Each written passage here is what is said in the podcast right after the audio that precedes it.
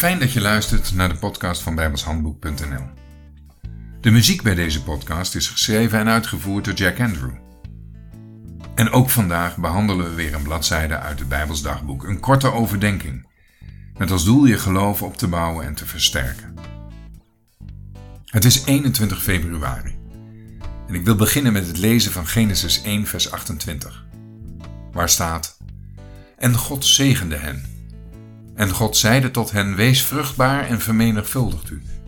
En vervult de aarde en onderwerpt haar. En heb heerschappij over de vissen der zee. En over het gevogelde des hemels. En over al het gedierte dat op de aarde kruipt. Adam krijgt hier de opdracht van God om de aarde aan zich te onderwerpen. En je kunt je afvragen waarom God deze opdracht aan Adam geeft. We weten inmiddels dat het een onmogelijke opdracht voor hem was, omdat hij zelf genomen was uit deze oude schepping. Maar zoals God tot zijn doel komt in deze gevallen wereld, zo bereikt hij ook zijn doel met Adam. De eerste opdracht die hij kreeg is om te zorgen voor nageslacht.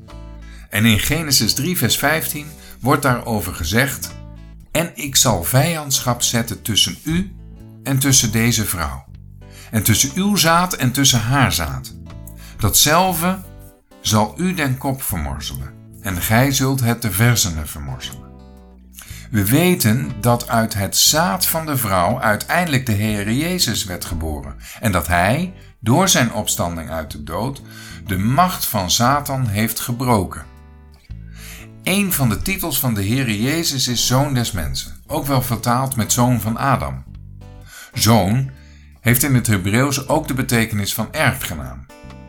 Hij is dus de erfgenaam van Adam. En erft daarmee ook alle beloften en opdrachten van Adam.